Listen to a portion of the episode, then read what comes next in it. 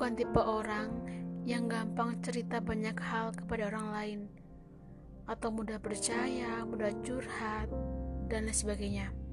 Semua masalah, tantangan, air mata, sakit hati, semua aku pendam sendiri.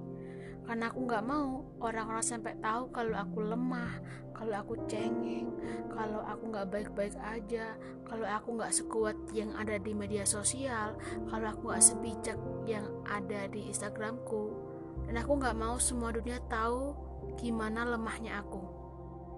Itu aku dulu. Dan itu udah terjadi bertahun-tahun.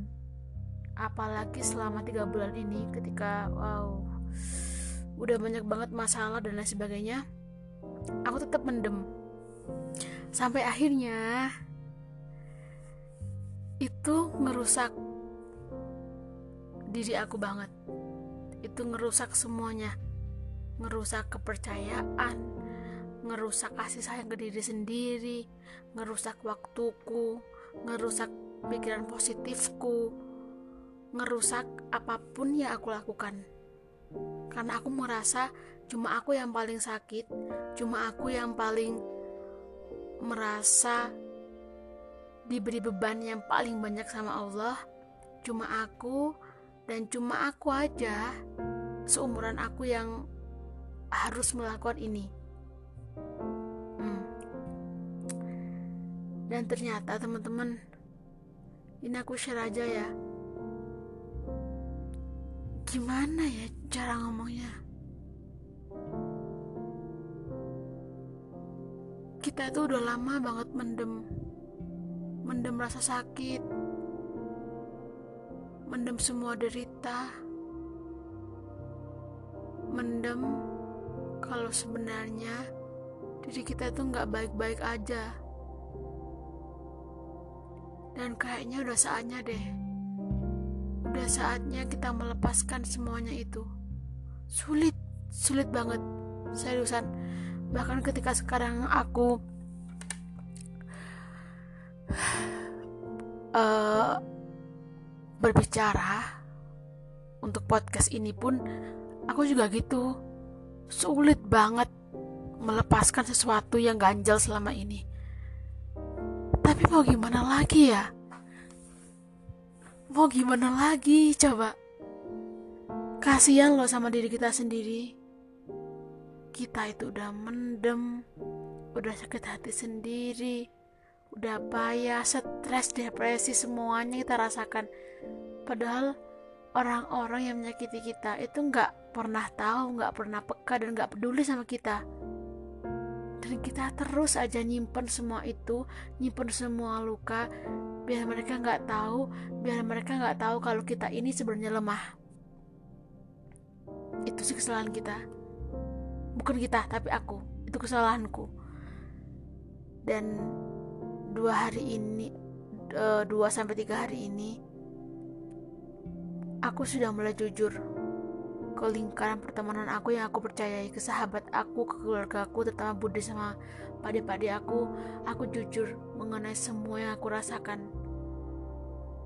Karena sumpah, itu nyiksa banget, nyiksa banget. Malam-malam nangis, malam-malam kecewa, malam-malam murung.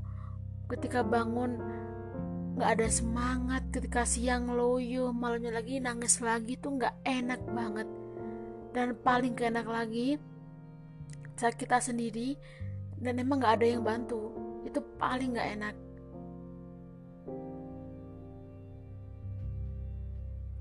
Ya gitulah. Jadi kayak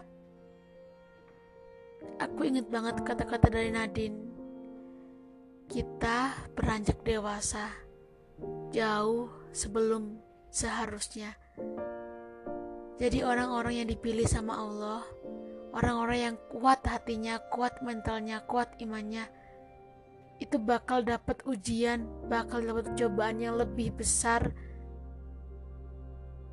dari levelnya sekarang.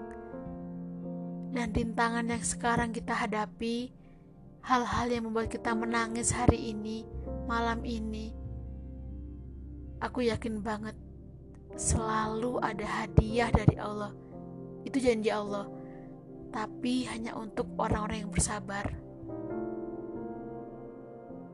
Sekarang agak lumayan plong sih pikiran sama perasaan aku.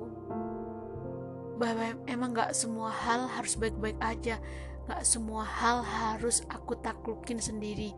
Gak semua hal bisa aku pecahin sendiri jadi kayaknya gue bakal sering-sering post uh, podcast deh karena ngomong itu nenangin aduh ini kayaknya udah ambiar deh pokoknya Jangan pernah merasa sendirian. Kabari aku, WA, atau apa pun kalau kamu percaya ke aku. Aku tahu banget gimana rasanya depresi, gimana rasanya stres. Jadi, pilih teman yang baik. Udah stop. Stop kasih beban, stop menekan, stop menutupi bahwa kamu sedang enggak baik-baik aja. Oke? Okay? Kita coba numpang di dunia ini. Sewaktu-waktu kita pasti bakalan tiada. Dan yang aku percaya manusia itu harus bisa bertahan. Jadi yang terbaik melakukan hal-hal yang baik untuk akhir yang baik. Dicoba hari ini, diberi cobaan hari ini, pasti bakal dapet sesuatu yang berharga di masa depan nanti.